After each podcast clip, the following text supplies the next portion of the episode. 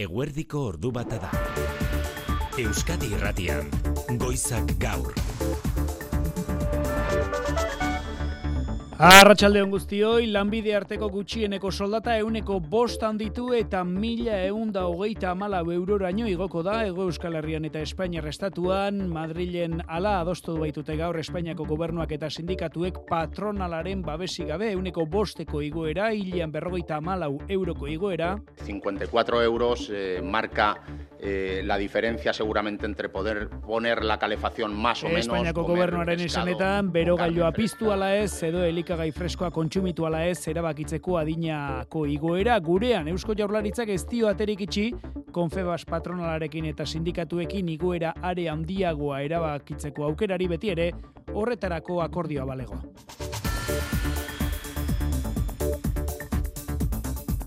Goizak utzi digun albistea gutxieneko soldatarena ekialde hurbilera eta ezain hurbilera begira jarraitzen dugun honetan, bereziki estatu batuak eta erresuma batua buru dituen koalizioak Yemenen agintean dauden utien posizioen kontra egin berritan, hauek itxaso gorria zeharkatzen zuten hainbat ontziri egindako erasoen erantzun gisa. Gogora dezagun, Yemengo utiek asteak daramatzatela, Israelen aliatu liratekeen itxasontziak erasotzen, Gazan jamasi laguntzeko estrategia gisa. Was an act of self-defense uh, given those attacks ba, Yemenen eraso horien aurrean autodefentsa ekintza gisa azaldu du erresuma batuko armada ministroak goizaldean estatu batuekin batera egindako operazioa hartu beharko diogu. Tamaina honek guztiak ekialde hurbilean eragin ditzakeen ondorioi eta hagan bitartean nazioarteko justizia uzitegian Israelen argudioak ari dira entzuten gaur Ego Afrikak leporatu dion genozidioaren aurrean. Not every conflict is genocidal. Israelen defentsaren arabera ez dago oinarririk berari genozidioa leporatzeko gerra baten ondorioak dira bere esanetan gazan gertatzen ari direnak eta are gehiago jamasena da gazan txikituta geratzen ari diren azpiegitura eta etxe bizitzen gaineko errua. Aginte, agintari palestinarrek eguneratu berri dituzte datuak hogeita iru mila eta zazpion palestinarril eta beste irurogei mila zauritu ditu Israelek gazan azken iru hilebeteotan. Bere ala eki alderbilan gertatzen ari denaren inguruko azken ordua, aurrez gainerako lerreburuetan, Beatriz Zabal eta Arratxaldeon. Arratxaldeon bai. Oraindik goia jo gabe azten ari da Euskal Autonomia Erkidigoan behintzat bai, arnaz aparatuko gaitzen kasuko purua, gripea da gehien edatzen ari dena COVID-aren gainetik. Iaz baino lehenago etorri da urten gripea eta horrek eragindu gaixoen ekopuruak eh, gora egitea. Egun arnaz aparatuko gaitzen intzidentzia sereunda hogeita amazazpi kasukoa da, eun mila bizaleko, eta ez dago esaterik noiz joko duen goia. Pello Latasa, jaurlaritzako osasun sailoko epidemiologia zaintzarako zuzendaria gaur euskadi irratia. Gripe virusaren zirkulazioa e, aste honetan eh, handitzen eh, jarraitzen du eta COVIDaren intzidentziak baita ere gora egiten du, baino e, neurri asko ere txikiagoan. Osasun garraioko langileek bestalde, otxailerako greba mugagabea iragarri dute datozen asteetan lan itzarmenerako negoziazioan aurrera pausorik ezpada. 2008 iruan, e, ibete bakoitzean, iru greba egun egin genituen, e, orain ja malago egunekoa izan da, eta normala denez, ja aurrera jarritzen baldin bada, ba, otxailean izango dira mal, ja mugagabea. Araba Bizkaia eta Gipuzkoako mila eta saireun langile ari dira osasun garraioan hiru urte daramate lan berritu gabe eta urtarrilaren zortzitik hogeita batera eta urtarrilaren zortzitik hogeita batera greba dute deituta. Patronalak momentuz ez duela inolako proposamainek egin salatu dute eta jaurlaritzari berriz deia auzian esku hartzeko langileen lan baldintzak osakidetzako behar ginen baldintzekin homologatzeko eskatzen dute. Eta Euskal Kostaldean azaldutako pelet pinportak ez dira Galiziatik iritsitakoak, iradoki bakarrek ez gaur ala baiestatu du oianek abeza sastiko ikerlariak. Eta ikusten duguna da, hemen jaso diren lagin horiek ez direla galizikoak. Konfirmazio hori egin dezakegu. Elau eguneko proiektzio horietan ez dugu ikusten galiziko urmaso horiek onera etorri daitezkenik. Gaur ere ez dute itxasoan pelet arrastorik atzeman eta ez dituzte datozen lau egunetan espero entzun duzuen moduan. Dena dela eta egoera aldatuko balitz, Eusko Jaurlaritzak pres du pinportak itxasoan biltzeko dispositiboa biontzi iruan naia eta rokillo izenekoak itxasondakinen ikerketa zientifikorako erabiltzen dituzten sare bereziekin ornitu dituzte, behar izan ezkero peleta jasotzeko. Errepidetan zer berrian nahi sausti? Arreta puntu bakarra pezortzian hernanin irungo norantzkoan autoa bidetik atera da, ez da inor zauritu, arreta eskatzen du bertan segurtasun saia. Eguraldiari dagokionez, jaion emunarriz, Euskalmet Arratsaldeon. Kaixo Arratsaldeon. Giro argiarekin jarraituko dugu oro har datozen orduotan. Hori da, e, izan ere, bueno, kosta zaio hainbat lekutan odeitzaria apurtzea, saretzea, baina orokorren arratsaldean giro argia gailenduko da, urdingun ez zabalak irekiko dira, naiz eta itxasertzeko leku batzuetan odeigunekin eh, jarraituko degun. Gaurtik aurrera, temperatura maksimoek ere gora egingo dute, eta gaur hamar bat gradu ingurukoak izango dira ipar partean, eta gradu pare bat beherago geldituko dira barnealdean. Hori bai, eguzkia sartzearekin batera, asko oztuko du eta ondorioz, larun batak giro hotzarekin hasiko dugu, eta barnealdean batez ere araban eta nafarroan, gauean izotza egingo du. Larun batak giro hotzarekin hasi bai, baina gero zer da torraste buruare pelagoa?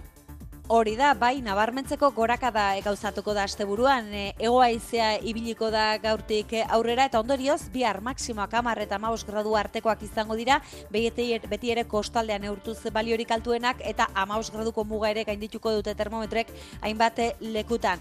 Zeruan, erdi mailako deia, goio deiak saretu da iritsiko dira, beraz, giroa argia izango da bihar, batez ere kostaldean, eta igandean zerua lainotuta egongo da, eta baliteke gutxi, baina noiz benka euri pixka bat egitea, bereziki eguerditik eh, aurrera. Temperaturari daukionez, eh, maksimoak amabi eta amasei gradu artekoak izango dira igandean, eta minimoak eh, nabarmen igoko dira, eta izotz kontuak igandean albo batera utziko ditugu. Ederki, kiroletan Jose Maria Paola Arratsaldeon. Arratsaldeon inigo. Ez genuen nahi, baina ala beharko du superkopatik bueltan da osasuna. Osasunak bi eta huts galdu zuen atzo riaten eta honen bestez Espainiako Federazioak bete al izango du Sauditaren apeta. Datorren igandean finala, Real Madrid Barcelona. Eta noski kontuan izan behar da, jago ba arrasatek eta osasunako jokalariek eh, salatu dutena. Barcelonak sartu duen lehen da biziko golean falta pitatzeko moduko jokaldi bat ere izan zela. Liga txapelketako partida bien bitartean alabesek Sevillan partida galtzeak eta beste emaitza batzuren baturak zera ekarlezake jaitsierako eremuan sartzea. Bederatzietan izango da partida hori, zortziterrietan ipuruan eibar ratzin daukago, Baskoniak Euroligako amaikagarren garaipena helburu gazteizen zortziterrietan, errukbian Bayonak Northamptonen zelaian Europako kopako partida, eta noski binakako pilota txabaketan beste jardunaldi bat gaur getarian, eskurdia eta tolosa elordi eta rezustaren kontra. Bete, bete, aste buru atari honetan, kirol legez ordu bat aterdietan hasita eta ordu biterdietan mano etxe sortu arratsaldeon. Kaixo, inigo. Ba, bui, Bilboko Guggenheim Museoa, gaur lerroburu nagusietakoa, aurtengo prestatu duen erakusketa eskaintza aurkeztu baitu gaur. Bai, bilduma iraunkorraz gain urtean zehar bederatzi erakusketa desberdin antolatu ditu Bilboko Guggenheim Museoak eta lendabizikoa Giovanni Anselmo italiarrari eskeniko diote. Anselmo pasaden urtean hiltzen eta bere arteari italieraz arte pobera deitzen diote, arte pobrea, zergatik, ba oso material simpleak xumeak erabiltzen dituelako artea egiteko, landareak, zaku oialak, sokak, lurra, harriak, Marta Blavia Guggenheim Museoko arte arduradunetako bat da. Giovanni Anselmok era guztietako materialak erabaili zituen bere lanetan unibertsoaren legeak, indarrak eta dinamikak integratzeko. Horregatik, eremu magnetikoak, planetaren gravitazioa, energia, espazioa, denbora edo orientazioa bezalako gaiak behin eta berriz lantzen zituen. Otsailaren bederatzean zabalduko dute Giovanni Anselmori eta arte humilari eskinitako erakusketa aurrerago izango diren erakusketen artean batzuk aipatzearen martxoan June Crespo artista nafarraren eskulturak aurkeztuko ditu Guggenheim Museoak eta udako eskaintzan Yoshitomo Nara sortzaile japoniarari buruzko atzera begirakoa inigo. Urtarrailak amabigarrena du gaurkoa teknikan eta errealizazioan Mikel Retegi eta Xabi Iraola ordu bata eta ia bederatzi minutu. Euskadi Irratian. Goizak gaur. Inigo Alustiza. Ekialde hurbileko gatazka gazatik eskualdeko beste eremu batzuetara zabaltzeko arriskua gauzatze bidean da itxura batean, galdetuko diogu ordubietako albistegia hori horrela ote den iruditzen ote zaion Mikel Aramendi nazioarteko adituari oraingoz dakiguna da Yemen utien posizioi egin dietela eraso Yemenen goizaldera estatu batuek eta erresoma batuak, besteak beste sana hiriburuan eta itsaso gorrian merkataritza untziei ez ezik, euren armada untziei azken egunotan egindako erasoei edo erasoen erantzuna izan dela arrazoi hori eman dutela Londresek eta Washingtonek utiek nazioarteko merkataritza arriskoan jarri dutela nabarmenduz. New Yorken Jerai Diazek informazioan, e, Jerai, arratsaldeon. Arratsaldeon, estatu batuek eta erresuma batuak hainbat aliaturen babesarekin Yemengo irurogei bat helbururi eraso diote tartean sana hiriburuan. Besteak beste utien aire defentsei, radarrei eta munizioei eragin diete. Joe Biden presidenteako arbidez azaldu duenez azarotik Yemengo taldeak hogeita zazpi ontziren kontrako erasoak burutu ditu itxasogorrian munduko navigazio ibilbide garrantzitsuenetakoan. Washingtonek hogeita hiru herrialderekin koalizio bat ere sortuta dauka ontziak babesteko. Etxe zuritik azken aldian egunero eskatu diete utiei gelditzeko horrelako mezuekin. Aste azkenean nazio batuen segurtasun kontseiluak ere hala exigitu zuen. Alere utiek gazaren kontrako genozidioa bukatzeko eskatuz, aste artean jaurti zituzten orain arteko misil eta drone gehien. Honen ostean Bidenek atzo baimendu zuen utien kontrako operazioa. Utien bozera maila da, jaia sarea, erantzun egingo dutela abisatu du. Hala ekialde hurbileko gatazka beste fase batean sartu eta gazatik kanpo edatu da. Utiek entzun duzue, estatu batuen eta erresuma batuaren erasoei erantzungo dietela hitzeman dute eta eutxi egingo diotela itxaso gorriko blokeoari. Utiak babesten dituen iranek bere aldetik, eskualde osoko egoera okertu egingo dela ohartarazi du eta deigarria Yemenen utien kontra gerran aritu den Saudi Arabiak erakutsitako zuhurtzia Mertxe Etxeberria Arratsaldeon. Arratsaldeon Iranen babesa duten utiek Yemengo ipar eta mendebaldea dute kontrolpean zonalde populatuena sana hiriburua barne hain justu sana hiriburua itsaso gorriaren ondoan dagon Odeida portua eta beste hainbat hirik jasan dituzte goizaldera estatu batuen derresuma batuaren erasoak bada utien aurka 2000 2008an gerra gordina abiatu zuen Saudi Arabiak kezka plazaratu du gaur gertatzen ari denaren inguruan. Zuhurtzia eskatu di alde guztiei nazioarteko merkataritza askea bermatu beharra dagoela. Arrazoituz. Herrialde Arabiarren artean Omanek zein Jordaniak gaitzetsi egin dute baita ere estatu batuek idatutako aliantzaren erasoaldia. Turkiatik Erdogan presidenteak salatu du itsaso gorria odol itsaso bihurtu nahi dutela estatu batuek eta erresuma batuak eta Errusiak berri zinigo nazio batuen segurtasun kontseiluko premiazko bilera eskatu du hauzia aztertzeko estatu batuek eta erresuma batuak nazioarteko legedia urratu dutela iritzita. E, Degarria baitere Italiak jakinarazi duena, ba, proposatu dietela parte hartzea erasoaldi honetan, aliantza honetan, eta uko egin diola Italiak. Agan bitartean, nazioarteko justizia auzitegian Israelen argudioak entzun dituzte gaur, Ego Afrikak leporatu dion genozidioaren aurrean, amaitu berri da saioa, Israelen defentsaren arabera ez dago oinarririk estatu honi genozidioa leporatzeko, gerra baten ondorioak dira gazan gertatzen ari direnak eta are gehiago Israelek defendatu du Hamasena dela gazan txikituta geratzen ari diren azpiegitura eta etxe bizitzen gaineko errua. Amaia Portugal Brusela Arratsaldeon Arratsaldeon bai gazan gerra krimenak izan diren ala ez baloratzera iritsi gabe genozidio akusazioa gezurtatzeari heldu diote bete-betean Israelen aldeko abokatuek. Hori baita nazioarteko justizia auzitegi honek aztertu behar duen gauza bakarra. Ea genozidio saiakerarako zantzuak ikusten dituen. Talbek erabokatuak adierazi du gazaren aurkako erasoak ez datozela bat definizio horrekin. The key component of genocide, the intention to destroy a people in whole or in part, is totally lacking. Israelek ez duela jende multzo zehatzik txikitu nahi eta jamasi leporatu dio hainbeste suntxiketaren ardura zibilen artean txertatzeko duen estrategiaren ondorio.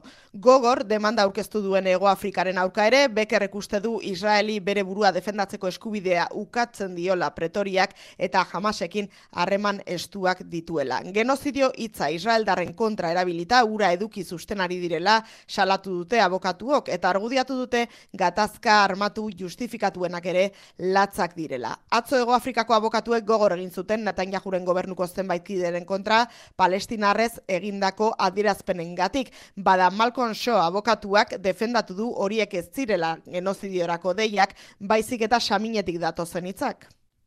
Cannot be seen as demanding genocide. They express anguish and the necessity to restore control Erabakia lehen bailen hartuko dutela esan berri du agako auzitegi honetako epaimai buruak, ea beharrezkozat duten Israeli agintzea gazako bombardaketak eteteko neurria juridikoki loteslea bada berez, baina auzitegiak ez du ura gauzatzeko tresnarik. Hain zuzen ere agako auzitegiak Israelen aurka arditzaken kautelazko neurrien inguruan John Landa, Euskal Herriko Unibertsitateko zuzenbide prozesaleko katedradunarekin hitz egin dugu gaur goizean Euskadi Erratiko Faktoria saioan. Israelek beteko espalitu ere kautelazko neurriak ezartzeak Israel juridikoki genozidioarekin lotzea litzateke eta haren aurkako presioa setio politiko bihurtuko lukeela, azaldo digo Holandak, Mertxe. Agako auzitegiak Israelen aurkako prozesua abian jarri izanak berak dagoeneko ondorio batzuk eragin dituela, azpimarratu du John Landak presiopean jarri dituela Israel eta aliatuak eta are gehiago handituko dela presio hori kautelazko neurriak ezarriko balira. Presio e, igotzen ari da eta ja bat bakarrik eta judizio hau martzan jarri indalako kautelazko neurriak etorriko balira ikaragarri izango litzateke presioa, ez gero modu juridikoa nahi ez badu e, obeditu ez du obedituko, baina presinio biderkatuz, biderkatuz eta biderkatuz joango da, eta arrun setio politiko bat e, gertatuko da inkluso aliatuekiko, ez? Gazako erasoaldia geratzeko agindua litzateke kautelazko neurririk garrantzitsuena beste batzuk ere agindu ditzake agako auzitegiak laguntza humanitarioari sarbidea bermatzea esaterako. Genozidio salak eta ontzat emateko nolanai ere frogatu egin beharko litzateke Palestinar herria akabatzeko helburuz estatu aparato osoa aktibatu dela. Goi ardura dun Israeldarren adierazpenak baino froga gehiago beharko litzateke Jon Landa katedradunak azaldu duenez. Retorika hori baldin eta baldin badator, nolabait agintea daukaten pertsonen gantik eta orduan planifikazio hori frogatzeko bastarna bat duzu. Mm Baina gero beste astarnak ere bilatu beharko lirateke. E, noraino badan aginte katean txartatuta egin ban guztia egiteko. Eh? Osa, nork ematen zituen e, ordenak eta nola gauzatu iten ziren. Eta nolabait aparatu hori guztia mugitu indala ba, elburu hortara. Eh?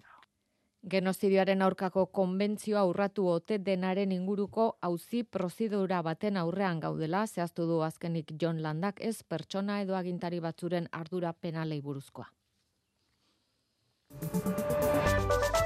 Ordu bat eta ia amazazpi minutu, lanbide arteko gutxieneko soldata euneko bost handitu eta mila eunda hogeita amala euroraino. Igoko da, Ego Euskal Herrian eta Espainia restatuan, Madrilen ala adostu dute gaur, Espainiako gobernuak eta komisiones eta UGT sindikatuek patronalaren babesi gabe, zeo eta zepime enpresa elkarteak, etzeuden ados gobernuak hasiera batean proposatu zuen euneko lauko igoerarekin, baina Jolanda Diaz lan ministroak esan azion patronalari euneko lauko proposamen hori babestu ezean igoera handiago ezarreko lukela gobernuak azkenean egin duen moduan euneko bostean esan bezala. Podemosek langabezia subsidioa atzera bota dio nastea beraz, patronalarekin ez, baina komisiones eta UGT sindikatuekin adostu zamaitu du Jolanda Diaz buru duen lan ministerioak, eta honako datuan abarmendu du, 2000 eta emezortzitik euneko berrogeita amalau handitu duela gutxieneko soldata, zazpi eunda hogeita masei eurotik, mila eunda hogeita amalaura, Mikel Arregi, Madrid, Arratxaldeon.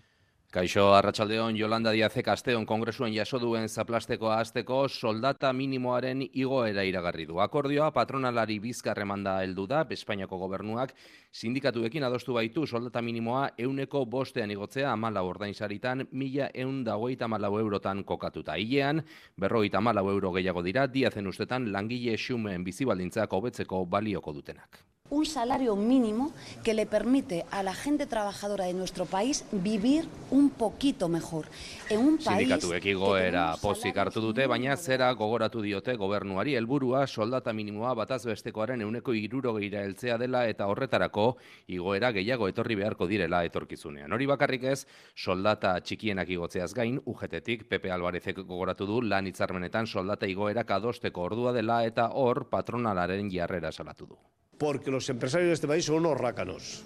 Y yo les invito a que volvamos a dejar... soldata minimoaren igoera leunagoa eskatzen zuen, euneko irukoma bostekoa inflazioarekin batera, enpresen produktibitatea eta aurrikuspen ekonomikoak kontuan hartuta, gaurko igoerarekin, Espainiako soldata minimoa euneko berrogeita malau igo da 2018-tik, zazpi ondagoita masei eurotatik, mila eundagoita malaura arte. Orain, gobernuak igoera hau dekretu bidezon hartuko du, eta atzera eraginezko izaera izango du urtarriaren batetik aurrera. Ego Euskal Herriari dagokionez, Idoia Mendia, jaurlaritzako lan sailburu eta eta bigarren lehendakari ordeak Radio Euskadiri eskaini dion elkarrizketan gogora ekarri du Euskal Autonomia Erkidegoan baluketela gutxieneko soldata horiare gehiago handitzeko aukera sindikatuek eta enpresa buruek urtzigartzia. Bai, baina beti ere adostu eta bataz besteko soldataren euneko irurogeikoa baldin bada patronala gai honetaz hitz egiteko prest ikusten du mendiak. Irekita daude, irekita daude. Orduan, bueno, ba, gauzak bere denbora behar du, orduan, bueno, utzi dezagun e, lan egiten eta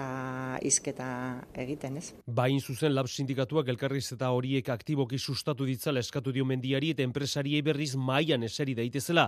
Elak bezala labek ere Madrilen adosutako mila eunda hogeita mala euroko gutxineko soldata ez dela nahikoa uste dute espaitio ego euskal herriko errealitateari erantzuten. Entzun, urren ez urren, Xabi Zabala, Ela, Ainize, Muñoz guren lab.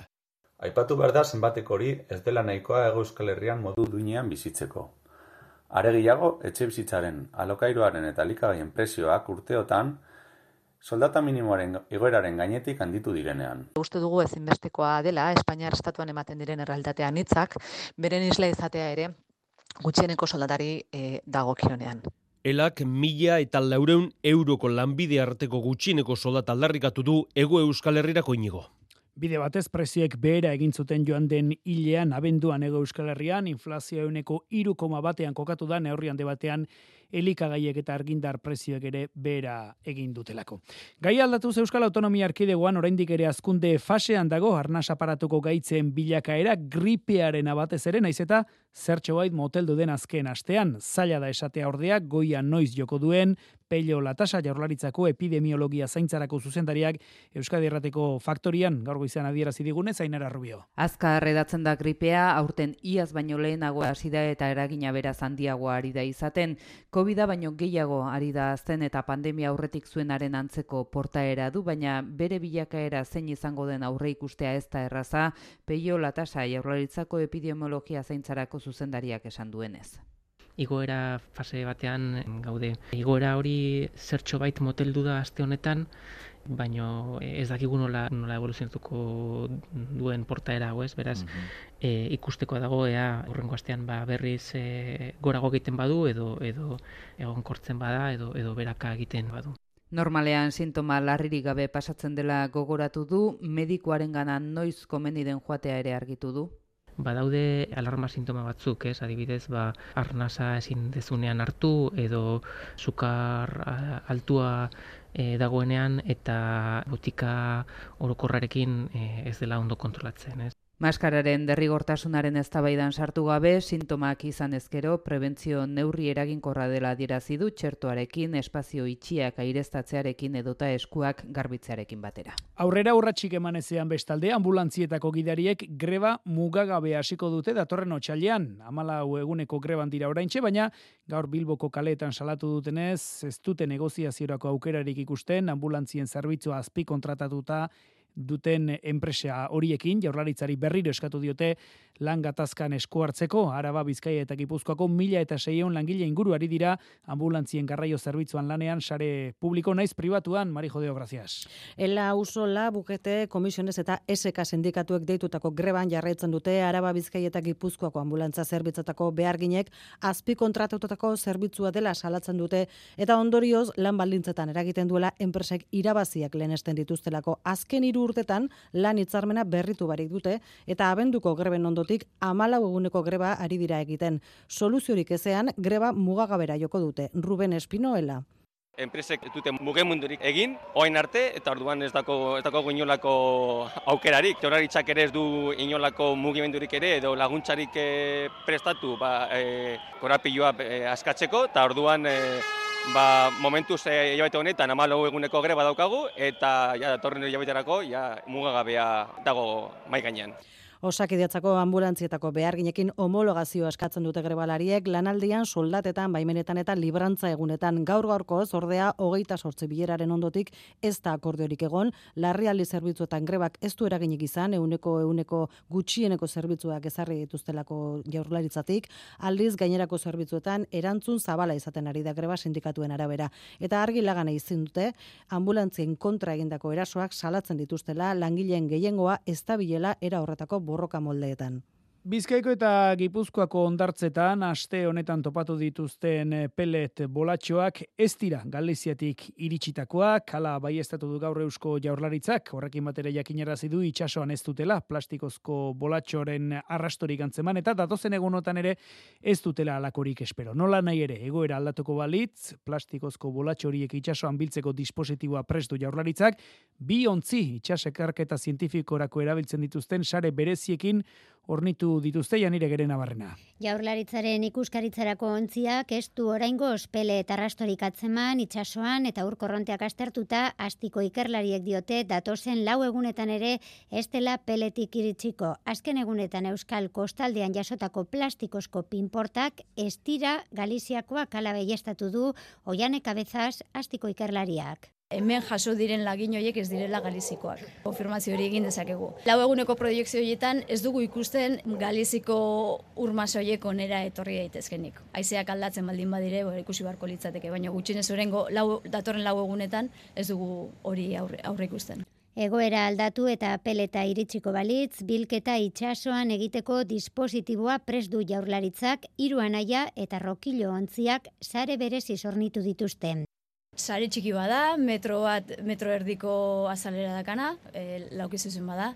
Sareak mila mikra ditu, maiaje oso, oso txikia da, baina hori da olako peletak jasotzeko. Osea, ikerketa zientifikoetan abiltzen den sare bat dela, Santurtzen zain daude biontziak beharrezkoa balitz itxasolatu eta bilketari ekiteko. Eta Gipuzkoako foru aldundiak ere bada espada elkartu du gaur, ondartzen lurralde maia, Gipuzkora iritsiko balira peletoriek, egoerari aurre egiteko protokoloa zehaztu dute Xabier Urteaga. Bai, Gipuzkoako aldundiak zaintza eta alerta sistemak indartu egingo ditu, besteak beste, talde gehiago jarrita, ondartzen egoera jarraitzeko, protokoloa ere zehaztu dute, egunero goizeko zortzitatik bederatzi terdietara ikuskatuko dituzte ondartzen hondartzak plastikozko bolatxoak iritsi diren zehazteko horren arabera hartuko dira erabakiak. Jose Inazio Asensio jasangarritasuneko diputatua. Eta behar bada, ba, bueno, gure garbiketa zerbitzua e, indartuko dugu eta bestetik ba, zerbait gehiago egin beharko baldin bagenu berriro maiak erabakiko du e, nola, nolako akzioak edo ekimenak e, egin. Bada espada bitartekoak prest ditu aldundiak eta material gehiago eskuratu dute. Egoeraren bilakeraren arabera batzartuko da berriro ere Gipuzkoako ondartzen maila pandemia garaian sortu zen kostaldeko udalen eta aldundiaren arteko koordinazio taldea. Gipuzkoan burua uste handiago eragiten ari da, gidabaimena ateratzeko azterketa praktikoa egiteko itxaron zerrenda gero eta luzeagoa dela. Lehendik zetorren hilarari gehitu baitzaio azken hiru hilabeteetan aztertzaileen erdia galdu duela lurraldeak, amabi aztertzailetatik seik, beste lurralde batzuetan lortu dute plaza, eta gipuzkoan betetzen zituzten horiek, oraingoz utxik geratu dira. Euskadi Erratiko Faktorian, gidabaimena atera nahi duten gaztekin izan gara gaur, atzerapena zenbatekoa izaten ari den jabetzeko.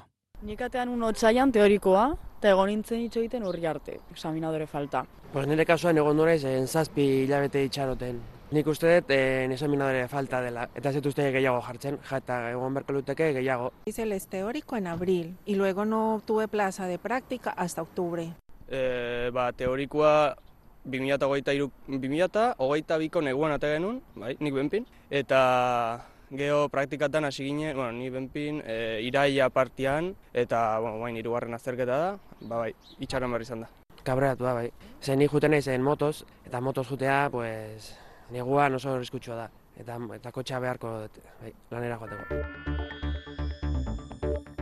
Tokian tokiko informazioari dagokionez, Gasteizen egibide ikastetxeko ile apainketa eta kosmetika ikasleek aurrerantzean formakuntza jasoko dute minbizia duten bezeroei kalitatezko harretan nola eman ikasteko. Pelu karte proiektuaren barruan dator formakuntza hau eta helburua da empatia eta ulermena lantzea irati barrena Gasteiz Arratsaldeon. Arratsaldeon bai kimioterapia tratamendua bere horretan gogorra bada paziente onkologiko batentzat are gogorragoa izan daiteke ia edota azala guztiz aldatuta ikustea. Empatia lantzeko formakuntza da pelukarte entzun miren bilbau, minbiziaren aurkako arabako elkarteko presidentea. Lortu nahi duguna da, ibiden dauden ikaslei, ematea formakuntza bat, kantzerra, minbizia daukan paziente bat heltzen denean, lanean hasten direnean, eta daukatenean harreman hori, beriek izatea baliabideak jaketeko nola hitz egin, zer esan, eh, atentzio personalizatu bat, eta hurbilago bat izatea. Lehen pertsonan kontatu duen garrantzia Rosa Aurora Moralesek berak bularreko minbizia izan zuen. Y lo importante de una peluquera para mí es que sea que haya empatía, que se ponga en el lugar de esa persona. Empatia hori praktikara eramateko ile ordeekin hasi dira lanean ikasleak, zigor miota irakaslea.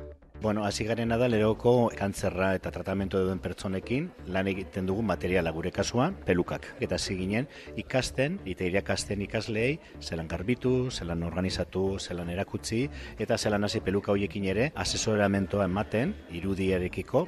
Aurten berrogei ikaslek jasoko dute egibide Vital Fundazioa eta minbiziaren aurkako arabako elkartearen eskutik datorren formakuntza, datorren urtean beste hainbestek. Ordu bata terdiak oraintxe.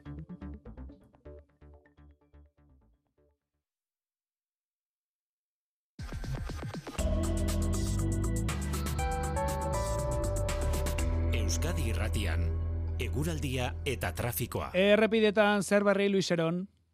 Rauniotan segurtasun sailaren arabera AP8 autobidean Eibarren Bilborako noranzkoan matxuretu den auto bat bazterbidean baitago. Eguraldiari dagokionez ziragarpen hauxe egin digu datozen orduotarako Euskalmetek. Kostata bada ere odeitza saretuz doa eta arratsaldean baurdingune zabalak nagusituko dira, baina baliteke kostaldean baudegune batzuk agertzea.